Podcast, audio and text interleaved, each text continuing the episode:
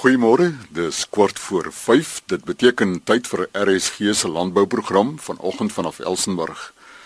Hoe word Cape Nature geraak deur die huidige droogte situasie? Kursusse aangebied op die George kampus van die Nelson Mandela Metropolitaanse Universiteit, die Komando Wurm en kleinskaalse hernubare energie opwekkingseenhede. Justin Lawrence, woordvoerder van Cape Nature, vertel eerstens hoe die bewaring van die natuur geraak word deur die huidige droogte. The latest summaries on the potential impact of climate change in southern Africa are indicating to us that it's now beyond reasonable doubt that it's people who are responsible for climate change and that it's people who should take responsibility and do something about it. The outlook on the potential impact of climate change on the plants, animals, oceans, and their associated ecosystems, it's dire to say the least. And already we're seeing certain negative impacts on the frogs, the birds, um, food security, and the commercially important fish stocks of not only the world, but locally as well. I mean, even the wine farmers have started moving their vineyards to higher altitudes to, to maintain quality and native bird species have shifted their natural distribution ranges to cope with a changing climate. I mean, these summaries are quite alarming, yet you know, they maintain a strong element of motivation that we should and we can do something about it.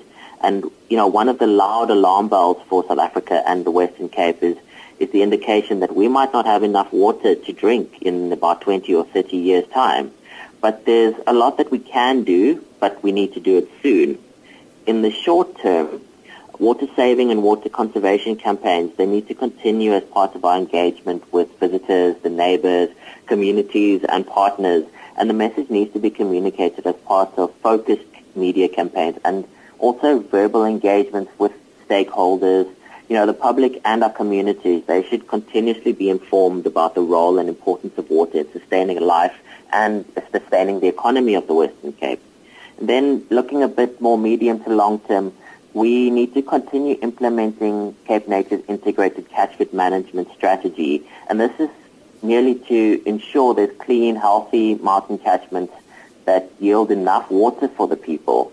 And it's, lastly, it's also strongly suggested that future water use per capita and water demand need to reduce quite dramatically. While the demand side management um, has options such as water saving devices and water restrictions and those are going to work and should be incorporated into norms and standards for future development. And but even longer term solutions which which we're working on such as the continued clearing of alien invasive plants from catchments and then investment in the restoration and, and maintenance of ecological infrastructure this is all essential for for the water situation. So building more dams is, is certainly not the answer it's therefore in the interest of healthy catchments and the sustained livelihoods of the people of the Western Cape that immediate and decisive action is, is needed to protect the sustainability of water yield from the Western Cape's mountain catchment. Cape Nature se woordvoerder Justin Lawrence Die bestuurder bemarking en korporatiewe betrekkinge van die George kampus van die Nelson Mandela Metropolitaanse Universiteit is Alet van Tonner.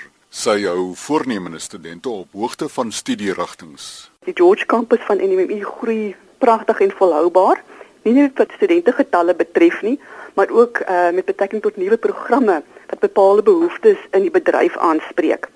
Hoë sertifikaat in veldbrandbestuur wat baie toegespits is op die bestuur en behoud van ekologiese diversiteit. Alles natuurlik binne ons skool van natuurlike uh, hulpbronbestuur waar ons ook 'n verskeidenheid programme aanbied waaroor ek graag bietjie verder wil uitbrei. Landboubestuur is een van die uh, gesogte programme en dan saam met wildplaasbestuur wat toenemend aandag trek uh, as intensiewe landbougeleentheid.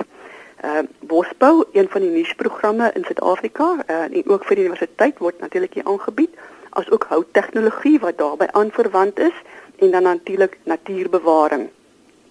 Omgewingsreg, uh, environmental law is 'n vak wat baie belangrik is in al hierdie programme waaroor ons ook nogal baie trots is, is ons uh, beleef uitstekende groei in en belangstelling in ons nagraadse studies, veral op meesters en doktorale vlak by die George kampus spesifiek. En dan net wat wildplaasbestuur betref, uh, ons is baie trots daarop dat 'n uh, alumnus van ons kampus, Emmanuel Nel, uh, tans van Kwandwe Signature Wildlife, einde verlede jaar tydens 'n gala geleentheid van Wildbedryf SA se Ooskaap tak aangewys is as die Young Rancher of the Year. Ehm um, by die George Show wat vanjaar van 24 tot 26 Augustus aangebied word, is daar ook 'n spesiale fokus op die wildbedryf en NMI sal ook daar 'n rol speel en van die geleentheid gebruik maak om ons studies en ons studente en wat ons in daai veld doen met die gemeenskap te deel.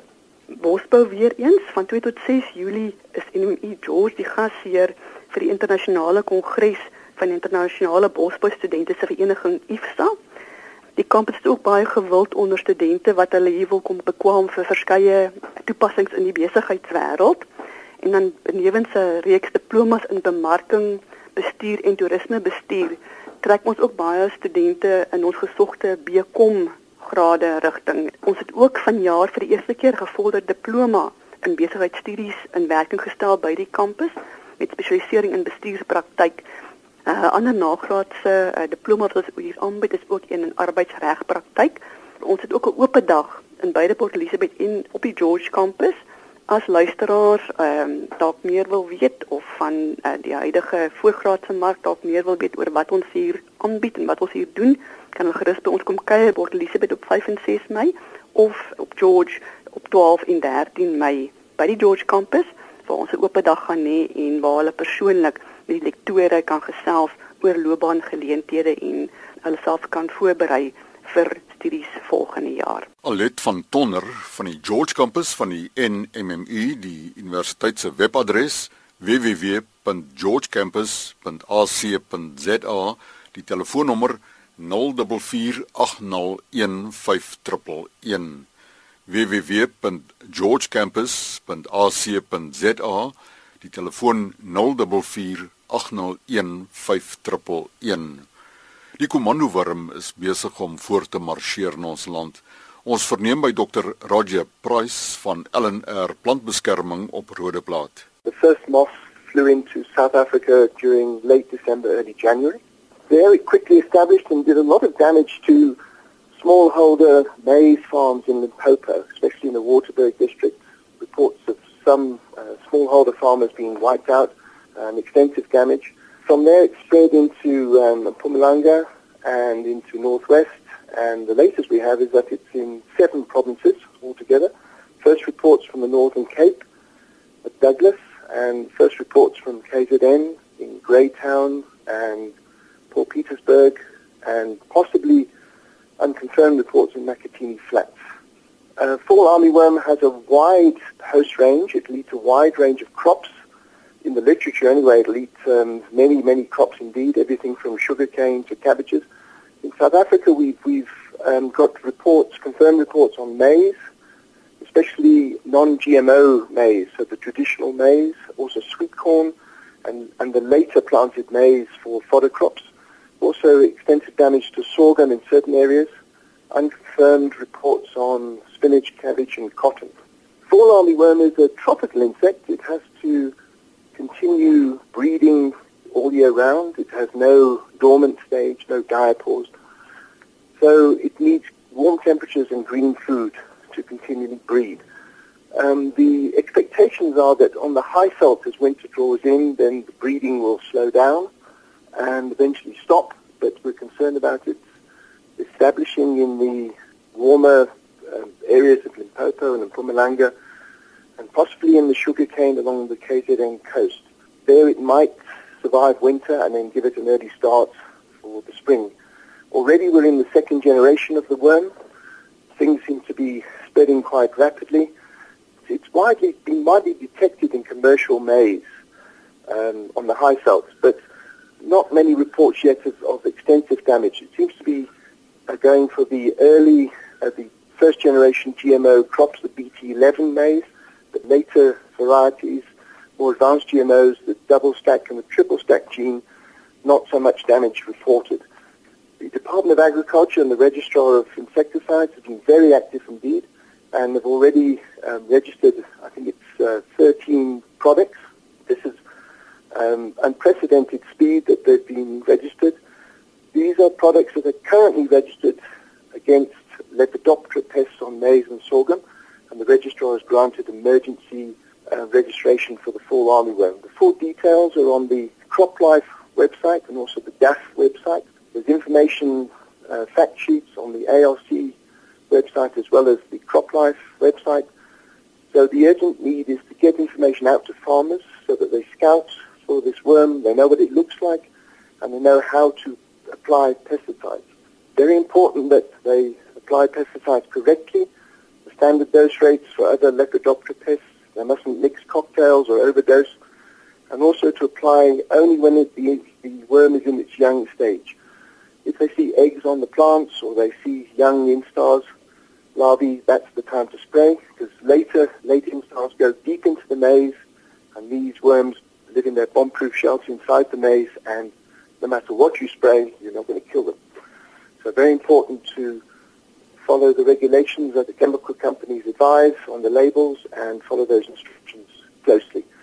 There seems to be reports of widespread damage in smallholder black farming areas, less on the commercial farming areas, but there's no details yet of actual damage and areas uh, and the DAF of sending out teams to survey and report back so we know the extent of this work. Dr. Roger Price van LNR Plantbeskerming op Rodeplaat sy telefoonnommer 012 808 8000 012 808 8000 Die visiepresident van Agri Noord-Kaap, Nicole Jansen, boer op die duine in die distrik van Hopetown.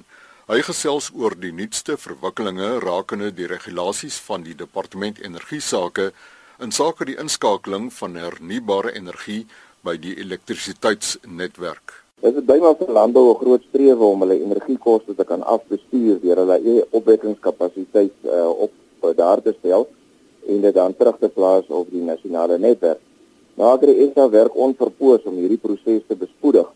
En um, op hierdie stadium het uh, het landbouers groot byval gevind by dit wat reeds by tafel is om by 80 megawatt se aansoeke is in verskillende forme van verwerking en in die pyplyn. Maar daar's baie hekkies om te oorkom in hierdie proses. Die tweede helfte van 2016 het NERSA geen uitsonderings of exemptions soos hulle sê verder onderteken nie en Eskom het nie verdere loodsprojekte toegestaan nie met die gevolg dat ons nie verder ehm um, opwekkingseenhede kon geregistreer kry nie. Maar om daardie hekkie te oorkom kon ons by NERSA aansoek doen vir 'n opwekkingslisensie ehm um, wat dan dit weer moontlik maak om om aan te gaan met die proses. Die gevolg is dat NERSA is toegegooi met aansoeke en hulle het nie die kapasiteit om al hierdie lisensies te kan verwerk nie. So die oplossing is dat die departement van energie hulle regulasies moet uitbring ten opsigte van small scale renewable energy of dan 'n klein skaal se hernubare energie opwekkingseenhede. Nou hierdie regulasies is uiteindelik einde Desember 2016 die lig gesien Dit is uh vir publieke deelname beskikbaar. Ek glo dat aan einde uh Februarie die die sluitingsdatum is.